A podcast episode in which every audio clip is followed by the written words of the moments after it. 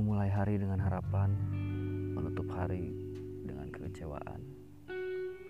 Kita semua pernah, atau bahkan ada yang sedang mengalaminya.